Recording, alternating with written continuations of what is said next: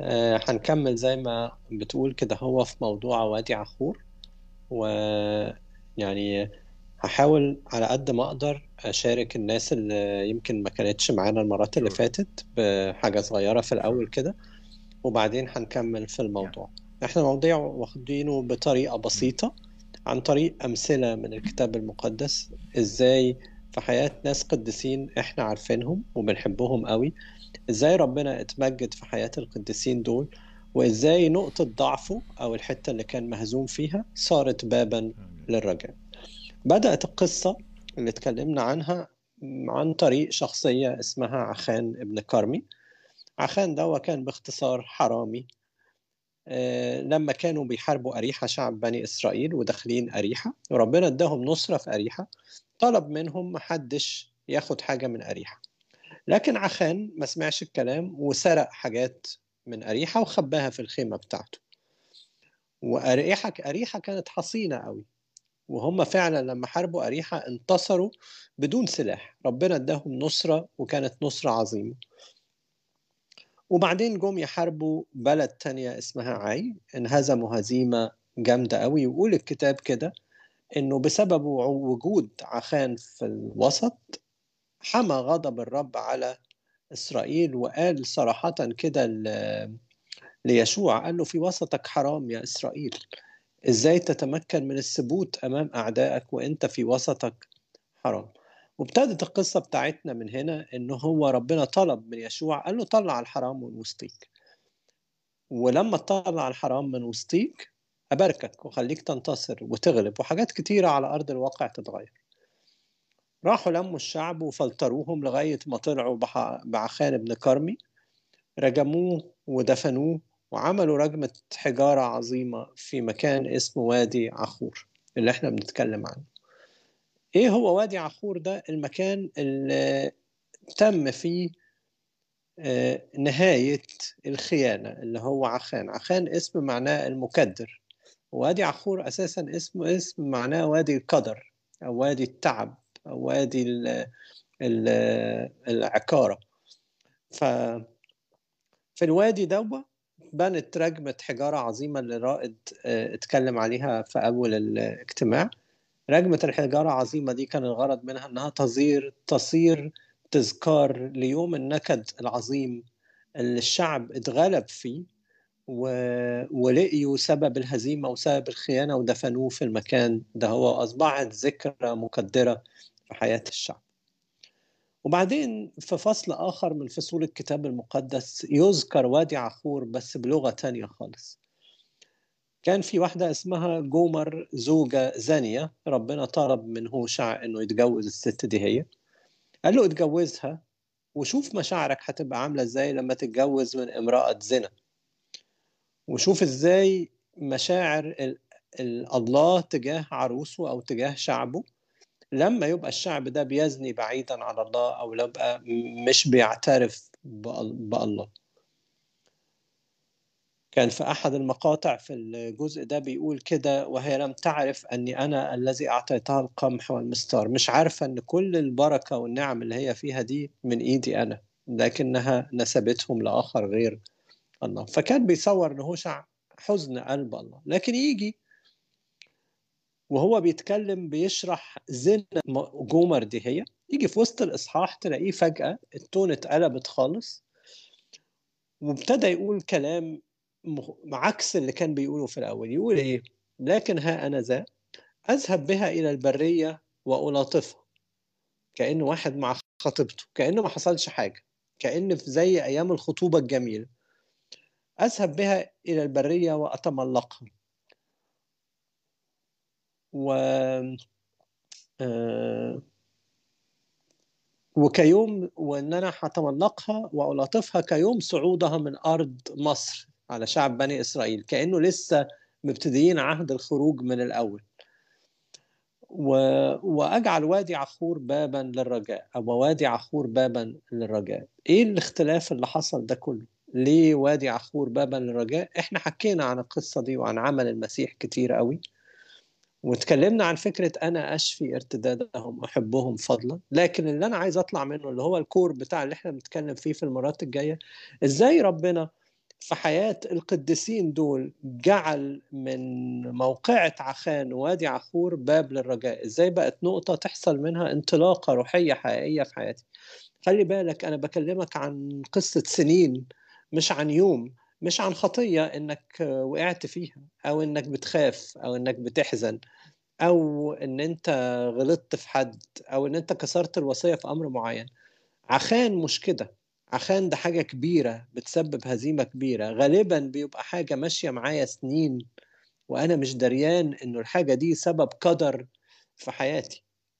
زي بالظبط يعني على سبيل إن أنا يعني مثال مش إن أنا أحصر الحاجات. زي ما واحد مثلا يكون آه عنيد جدا وماشي معاه العند من صغره. وشايف أو خلينا ناخد مثل من اللي خدناهم موسى عصبي جدا. والعصبية دي عملت له قدر في حياته في شغله يمكن في بيته يمكن في علاقاته يمكن في في الكارير بتاعه يمكن في حاجات كتيرة قوي. وهو من وجهة نظره النهاردة شايف إنه الناس أغبية وإنه الناس بطيئة وإن الظروف صعبة وإنه محدش فاهم وإن إحنا بنتعامل مع أشكال غريبة وفي الآخر شايف إن الدنيا حواليه هي الغلط وأنا ما عنديش حاجة أتصلح. وهو ما يعرفش إنه سر القدر بقالي سنين إن أنت عصبي قوي يا موسى.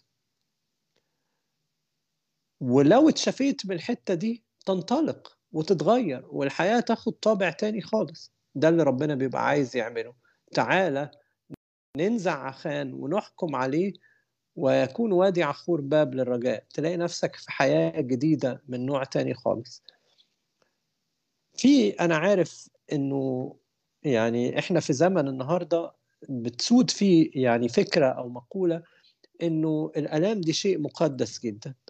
الحقيقة الكلام ده كلام له وجهين ينبغي إن إحنا نبقى فاهمينهم كويس. وجه منهم إن الآلام مقدسة إنك يعني تحترم آلام الآخرين وأوجاعهم وإنه ما يبقاش حد تعبان وإنت يعني بتتهلل فرحا وبتتنطط قدامه. الكلام ده أكيد إحنا مش مختلفين عليه. بس في وجه آخر سلبي في القصة دي. ليه؟ تخيل كده إنك بتروح للدكتور وعندك مرض معين أو تعبان تعب معين ورحت للدكتور قلت له أنا تعبان قوي يا دكتور. قال لك آه أنا فعلا حاسس بيك أنت شكلك تعبان قوي وبعدين و يا دكتور أنا ما بعرفش أنام من كتر الوجع اللي بيجيني بالليل. حاسس بيك شكلك حوالين عينيك سودة. بص كلمني أي وقت تبقى تعبان فيه.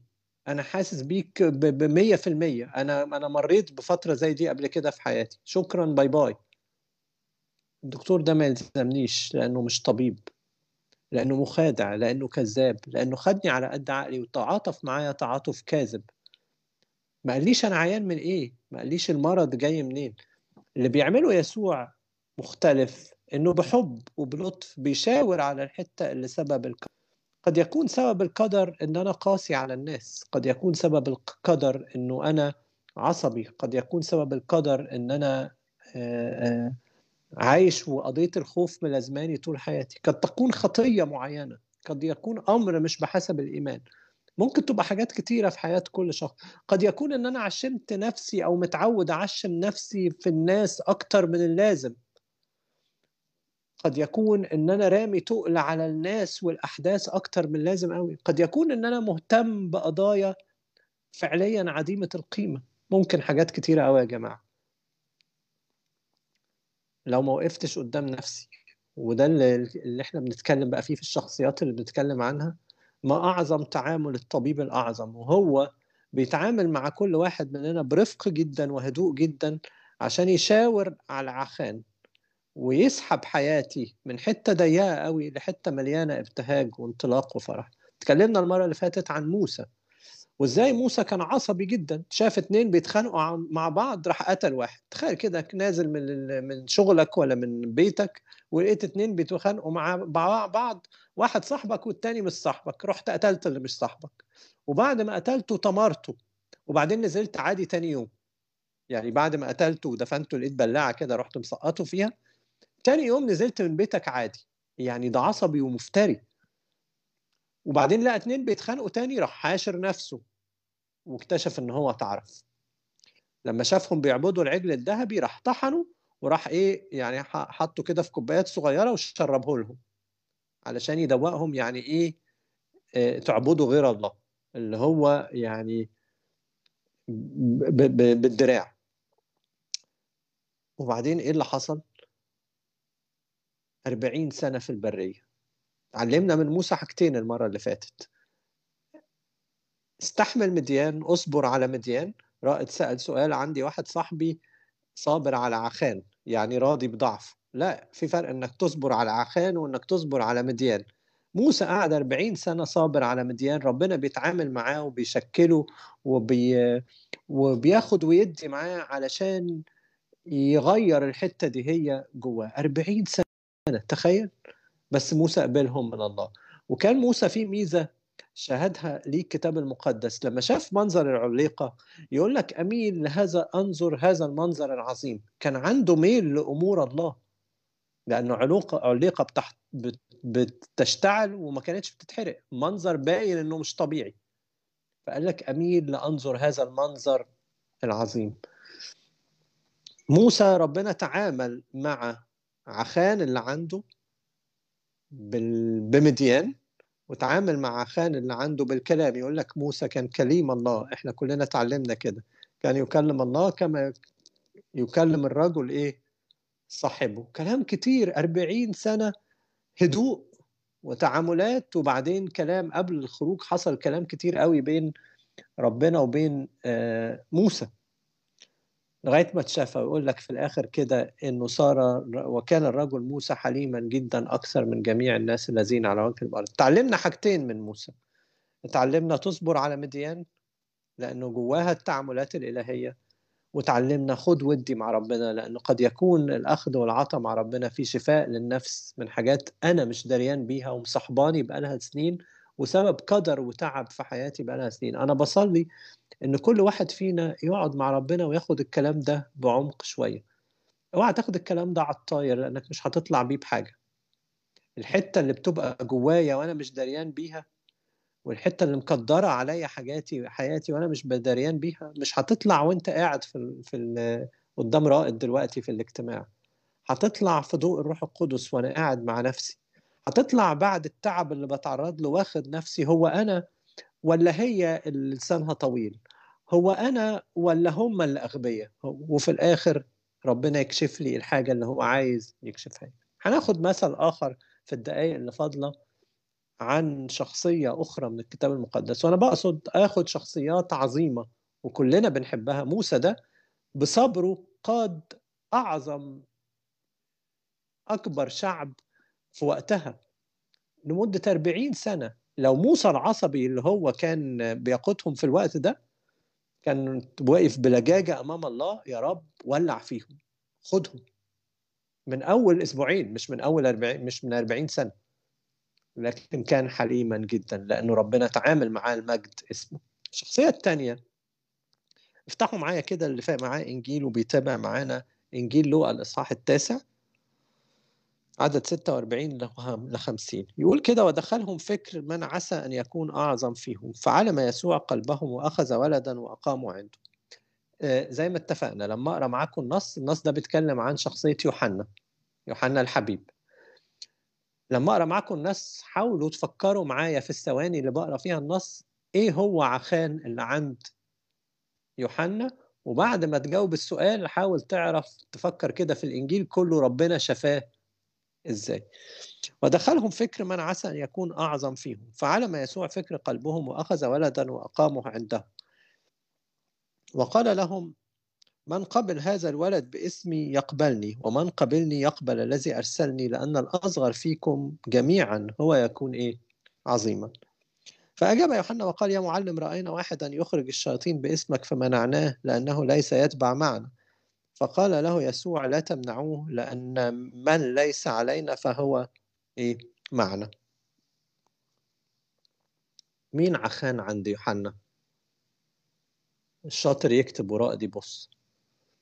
مين عخان عند يوحنا؟ يوحنا. خلفية النص دي بتتكلم عن القبول يقول لك كده يسوع بيقول لهم من قبل هذا الولد باسمي ومن قبلني يقبل يقبلني ومن قبلني يقبل اللي أرسلني. يعني يقبل ولد باسمي؟ يبقى كأنه بيقبلني ويقبلني يقبل الآب الذي أرسلني. يوحنا يقول له إحنا شفنا على فكرة ناس بتخرج شياطين باسمك فعملنا إيه؟ وقفنا المهزلة دي على طول. راح يسوع قال له يوحنا من ليس علينا فهو إيه؟ معنا. لا تمنعوه ما تمنعوهمش. ليه يوحنا عمل كده؟ تلاقي له أن مرتب الأحداث مش بحسب التاريخ قد ما هو مرتبها بحسب المواقف. كان في راجل الغلام بتاعه أو ابنه فيه روح بيصرعه منذ صباه وطلب من التلاميذ إن هم يشفوه والتلاميذ ما عرفوش. وراح جه يسوع زعل قال لهم إلى ماذا أحتملكم؟ إلى متى أكون معكم؟ إلى متى أحتملكم؟ إلى متى أكون معكم؟ مش عارفين تعملوها لوحدكم؟ ده أنا همشي وسايب لكم أنتوا المسؤولية. وبعدين قال لهم في الآخر هذا الجنس لا يخرج إلا بالصوم والصلاة. يعني أنتوا لا بتصوموا ولا بتصلوا من الآخر. عشان كده فرقتكم قوة إن أنتوا تقفوا قدام الشر أو قدام الروح. النجس. فيوحنا حزبي جدا متعصب جدا. جه قال لك إيه؟ آه إحنا بنخرج الشياطين بس حتى اللي بيخرجوا دول إيه؟ مش تبعنا إحنا مش راضيين عنهم. يعني ما هماش أحسن مننا يمكن إحنا طلعنا وحشين في الموقف ده بس هم وحشين أصلا. وإحنا ما فيش حد زينا من الآخر. فلو إحنا ما طلعناش شياطين ما حدش يطلع شياطين. عشان اللي عند يوحنا إيه؟ إن هو متعصب متحزب جدا لمجموعة أو لدايرة معينة. ويعني الكتاب علمنا كده إن روح ال... كان ضيق. يعني خلينا أقولها كده كان ضيق. روح الضيق دي ما يهرب منها المسيح. الروح القدس ما يتواجدش مع روح الضيق. ويسوع يهرب من جو التعصب. النهارده الناس مختلفة مع بعض علشان آرائها في السياسة. وتعبانة من بعض عشان ارائها في السياسة وعشان ارائها في آيات من الكتاب المقدس. تخيلوا الناس بتخسر بعض عشان اختلفوا على فهمهم لآية معينة. وبتخسر بعض علشان علاقات اجتماعية يعني ما توازيش إنه المحبة تتكسر. تفتكروا ربنا تعامل إزاي مع يوحنا؟ تعامل مع ضيق يوحنا إزاي؟ وسع يوحنا إزاي؟ فاكرين يا عبيس لما صلى كده قال ربنا ليتك تباركني وتوسع تخومي أنا أصل أنا كنت قاعد في القعدة دي وما حسيتش يعني إنه إنه إنه إن الناس دي ناسي. فرسبتهم ومشيت فقفشت منهم. وخد على كده أمثلة كتير قوي قد إيه ناس بتتعب من ناس قد إيه الضيق اللي إحنا فيه. أنا ليا ناسي وليا مجموعتي ودول معايا ودول مش معايا ودول بخرج معاهم مرة في الأسبوع عشان دول مش عارف إيه ودول لأ مش عايز أشوف وشهم ودول كفاية إن أنا بشوفهم في القداس وبسكت. ضيق. المحبة مش ملهاش في الضيق ده هو. عملت إيه يا يسوع مع يوحنا؟ أنا لو منك يا رب أقول له يوحنا يعني أنت مش شايف نفسك. أنت مش شايف يعني منظرك عامل إزاي وأنت يعني مش بتعمل زيي. هتفضل لغاية كده إمتى؟ وهتفضل طريقتك لغاية كده إمتى؟ معكر على نفسك ومعكر علينا لغاية إمتى؟ لكن يسوع ما عملش كده. بص بقى العجب بتاع يسوع. عارفين يونان؟ كان عامل زي يوحنا كده. هو عارف ان ربنا هيغفر لنينوى. وهو مش بيحب الأشوريين. هو شايف إنه دي أمم. أنت رب تروح تتعامل معاهم ليه؟ يولعوا يهلكهم وهو مع الأمم كان فكرة قضاء الله لما يكتمل اسم الأمم كان أمر وارد وقتها. فهو بيقول له أنت طالما حطيتهم في دماغك يبقى هتغفر. فبلاش بقى التعب. وزعل. وراح ربنا قال له يعني أنت يا اغتصت عشان اليقطينه وما اغتصتش عشان المدينة العظيمة اللي فيها اثنتا عشرة ربوة لا يعرفون يمينهم من يسارهم. انت ما عندكش القلب اللي زي قلبي. ما تعرفش الناس دي على قلبي قد إيه. ان انت بسهولة كده واخد على خاطرك ان أنا سامحتهم بس الحاجة الحلوة في يونان انه كان عارف ربنا كويس. كان عارف ان ربنا بيسامح. بس كان في حتة زي يوحنا كده. يعني إحنا اليهود وهم الأمم. إحنا الغفران وهم إيه؟ يروحوا مطرح ما يروحوا يسوع راح واخد يوحنا وكلمة اتقالت على يوحنا ما اتقالتش على أي تلميذ تاني. حد عارف إيه الكلمة دي هي؟ يسوع كان ساعات بيقول تلاقوا الوحي كده قال كلمة على حد ليها مئة ألف معنى لازم ننتبه ليه. زي مثلا الشاب الغني الوحيد اللي الكتاب قال عنه كده هو نظر إليه يسوع وإيه؟ وأحبه. يوحنا كان نفس الموضوع. يقول الكتاب كده إنه ربنا عمل معاه إيه؟ يقول التلميذ الذي كان يسوع يحبه. اقروا معايا الحتة دي هي. كان عمال يشوه في الآخرين. ما أنا ما عرفتش أخرج الشياطين نشوه اللي خرجوا الشياطين يقول كده في إنجيل يوحنا في الإصحاح ال 13 وكان متكئا اصله بيتكلم عن نفسه. فما قالش اسمه. بص بيقول إيه وكان متكئا في حضن يسوع. واحد من تلاميذه كان يسوع يحبه. فأومى إليه سمعان بطرس أن يسأل من عسى أن يكون الذي قال عنه اللي هو قال عنه أنه هيسلمه. فاتكأ ذاك اللي هو يوحنا التلميذ الذي كان يسوع يحبه على صدر يسوع وقال يا سيد من هو؟ عارفين يوحنا اتشافى إزاي؟ لأنه يسوع خده في حضنه خده بضعفه وبالعيب اللي فيه وقبله.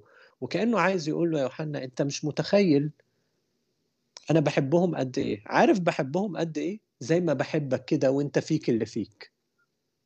التلميذ الذي كان يسوع يحبه. يوحنا اتشفى لما اترمى على حضن يسوع بعيوبه. وده قبول يسوع ليه وهو في حاجات مش بتاعت يسوع يسوع مش عايزها. وده يعني إيه يتقبل؟ وده يعني إيه يخش في الحضن ده هو؟ ياما كثيرين راحوا لربنا ب... بخطايا ملهاش حدود وبخطايا لا أحد يتخيل أن الناس دي وقعت في الخطايا دي هي. وبخطايا كتيرة وبخطايا قعدت سنين طويلة وبضعفات كتيرة لكن راحوا ليسوع وقعدوا قدامه في اتضاع كده وداقوا زي ما كان ماهر فايز بيقول في الترنيمة كده ومين يدوق الحب كله ويكتفي. ده وكم الحب المقدم من الله والقبول المقدم من الله. زي ما كنا بنقول في الترنيمة زمان أحبني وأنا خاطي أحبني وأنا عاتي أحبني في مماتي أحبني لذاتي. و إنه بال... بيقول لك كده في الكتاب إنه بالجهد يموت أحد لأجل بار ربما لأجل الصالح يكسر أحد أيضا أن يموت. ولكن الله بين محبته لنا إذ ونحن بعد خطامات المسيح لأجلنا. بيحبني قوي. بيحبني في كل حالاتي وفي كل ظروفي. وعايزني وعايز يغيرني. اللي يدوق الحب ده يتغير. واللي ما يدوقوش زي ما كان رائد بيقول وزي ما قلنا المرة اللي فاتت يفضل رائد على درديه. يفضل رائد على الرائحة الناتنة عارفين ليه؟ لمجرد أنه ما اتضعش أمام الله وراح له بعيوبه وراح له بضعفاته وراح له بعدم كماله وراح له بالنقص اللي فيه اللي بيروح ويقول لربنا أيوه يا رب أنا اللي بعلي صوتي وأنا اللي بتعصب وأنا اللي متحزب والناس مش وحشة قوي كده أنا زيهم. اللي بيروح ده ويدوق الحب ويدوق الغفران بيتغير لكن اللي يفضل مخبي عليه ويروح لربنا يعني يا رب اديني تعزية قصاد الاضطهادات بتاعت الناس ووجع القلب بتاع الناس والضغط بتاع الناس. وأنا مش دريان إن أنا واحد من الناس اللي محتاجين هذا الحب. لما يوحنا اتشفى وربنا تعامل مع عخان اللي جواه. بص بقى المجد وبص التغيير وكيف صار باب للرجاء؟ الحتة اللي كان بيعاني منها وده وده سر وادي عخور اللي أنا بتكلم عليه.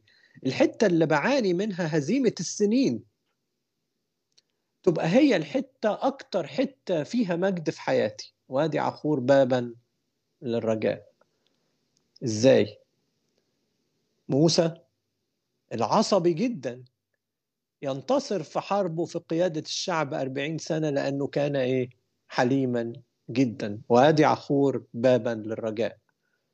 يوحنا تعرفين إنه ما فيش صفة في الكتاب المقدس عبرت عن الله؟ غير صفة المحبة. أنا قلت لكم الكلام ده قبل كده. يعني إحنا ممكن نقول إن الله قدوس لكن ما نقدرش نقول إن الله قداسة لأن الله مش قداسة بس. ونقدر نقول الله عادل لكن ما نقدرش نقول إن الله عدل لأن الله مش عدل. بس صفة العدل لا تعطي آآ آآ لا تخبر عن الله لوحدها.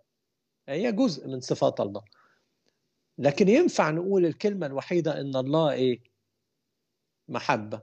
عشان كده تلاقوا يوحنا هو أكتر شخص في الكتاب المقدس كتب عن اللاهوت يسموه يوحنا اللاهوتي. ليه؟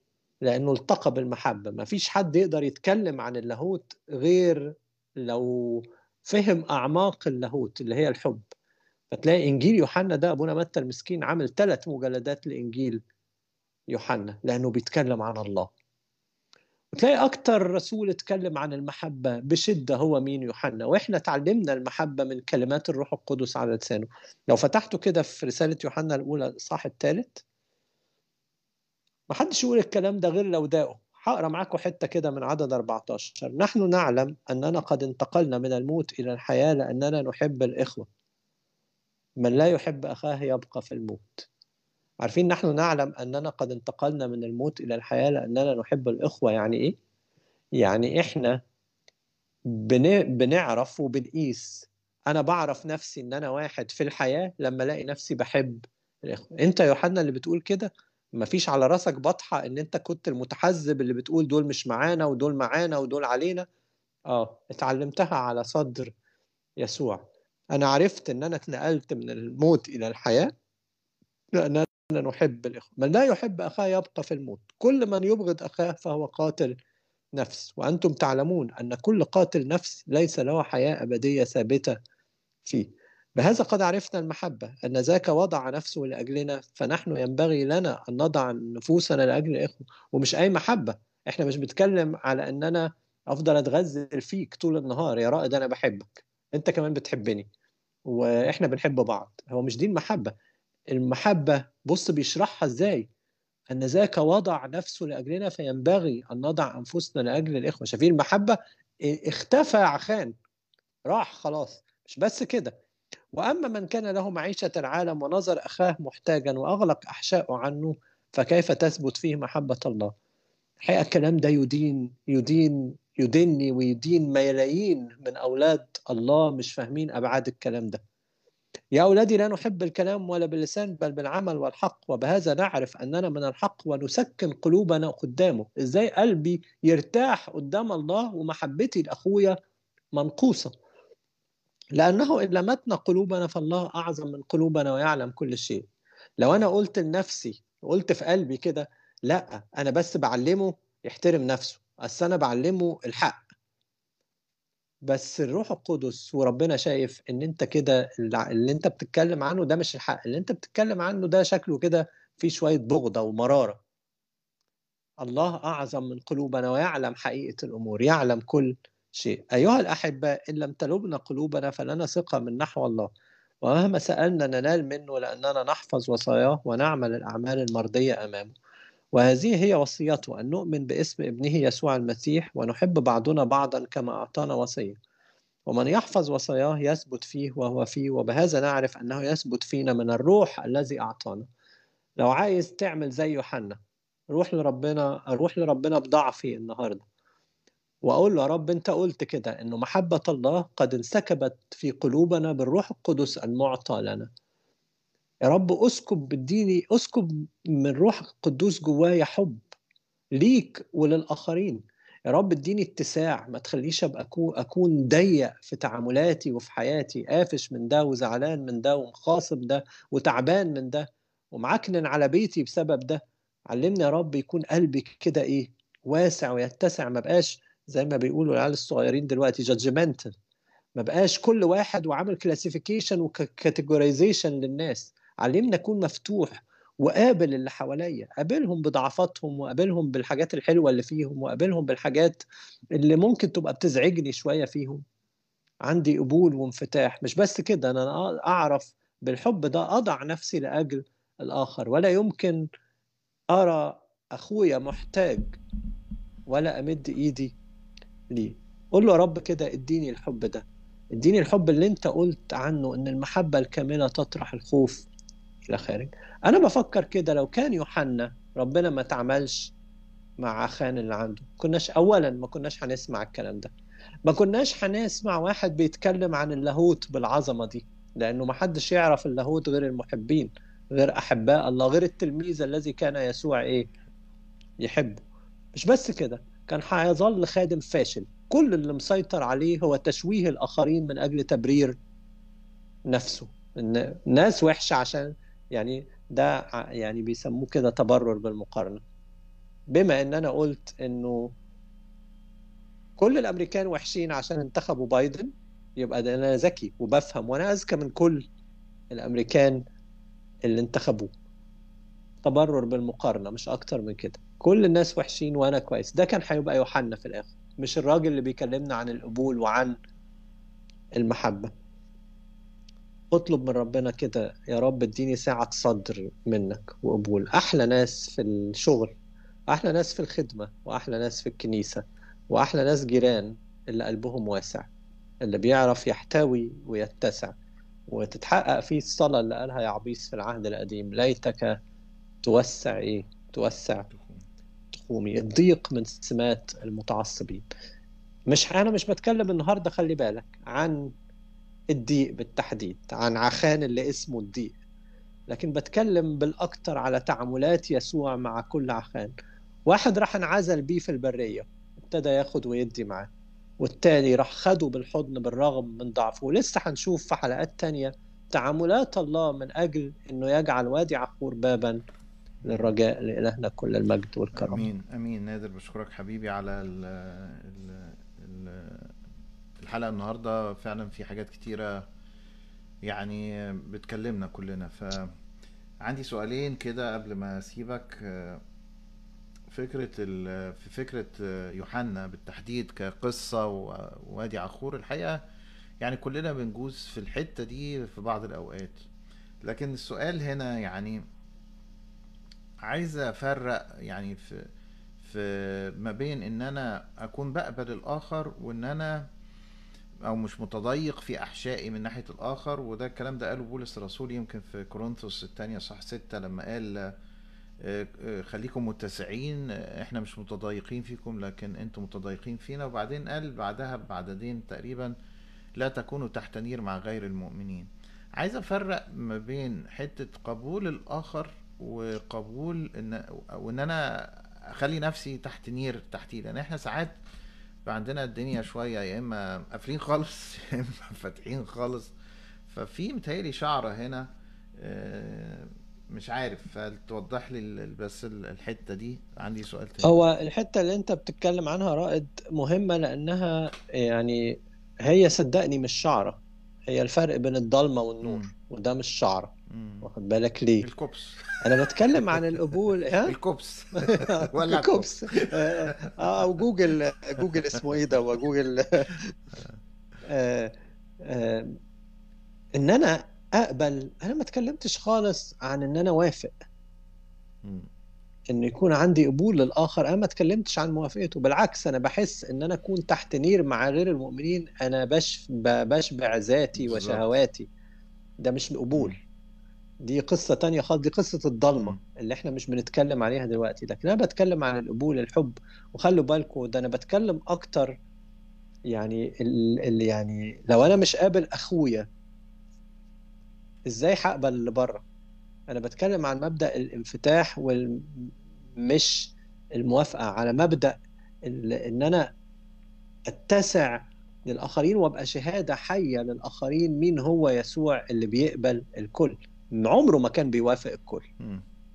لكنه كان بيقبل الكل. وبعدين بقى مجال التدريب الكبير لينا إخواتنا. إخواتنا في المسيح. متخاصم مع ده وما بتكلمش مع ده. وده اصل تصدق ده ده مشجع اللي انتخبوا بايدن. وده مشجع اللي انتخبوا ترامب. وده مش عارف إيه. خلي بالك الموضوع مش حادثة انتخابات ولا حادثة سياسة ولا موقف في الخدمة. الموضوع اتجاه جوه القلب. إن أنا ضيق. ضيق. وبعدين بقى ما بقبلش أخويا وعايز أخرج للناس أبشرهم بالمسيح اللي بيقبل الخطاة وكان يجلس مع العشرين ويأكل معهم. الحتة اللي أنت قلتها رائد طبعا دي قصة تانية خالص لا تكونوا مع نير مع المؤمنين. ده واحد لسه في الضلمة وعايز إيه؟ أو واحد في النور وتاهت عنه الحقيقة فراح إيه؟ التصق بالضلمة عشان هو بينبسط. أنا احتكيت يعني بكذا حد كده قبل كده يبقى هو بيحب الحاجات دي هي فيروح يقول لك مش يمكن ربنا يفتح لي باب اخدمهم تخدموا إيه؟ أنت مبسوط باللي بيعملوه واللي هم عايشين فيه. لا طبعا. يعني ساعات ساعات تحت مبرر ال ال ال أو إن أنا بقنع نفسي كده. هو مش مش ده حقيقي بقنع نفسي إني تحت مبرر الحب خليني أعمل زي ما بيعملوا خليني أوافق على اللي هم بيعملوه. فده يمكن عشان كده حبيت أسأل السؤال ده يا نادر. طب السؤال التاني آه، انت قلت ان المسيح حضنه بين له ال... حضن المسيح كان شافي بالنسبة له. آه، هل يعني أنا أقدر أغير نفسي؟ أنا يعني أنا بسمع النهارده واكتشفت حاجة. بس ممكن تكون قلة محبة زي زي المثل اللي أنت اديته النهارده. ممكن يكون غضب ممكن يكون أي حاجة. آه، اكتشفتها. هل أنا أقدر أغير نفسي؟ يعني أنا أقول بكرة ان أنا هبقى كذا يعني ولا ولا دي ولا دي تبقى بداية خطوة إن أنا أروح للمسيح وأقول له غيرني؟ يعني أعمل إيه؟ طيب أنا قبل ما أجاوب سؤالك هقول حتة صغيرة قوي خلوا بالكم أنا مش زي ما قلت لكم في وسط الكلام مش بتكلم على ضعف أو سقطة. مش بتكلم النهارده أنت غضبت على على واحد معاك في ال- في البيت أو في الكنيسة. كان على أسلوب أنا بتكلم أسلوب حياة مسبب مسبب لي قدر. نتائجه بتسبب لي قدر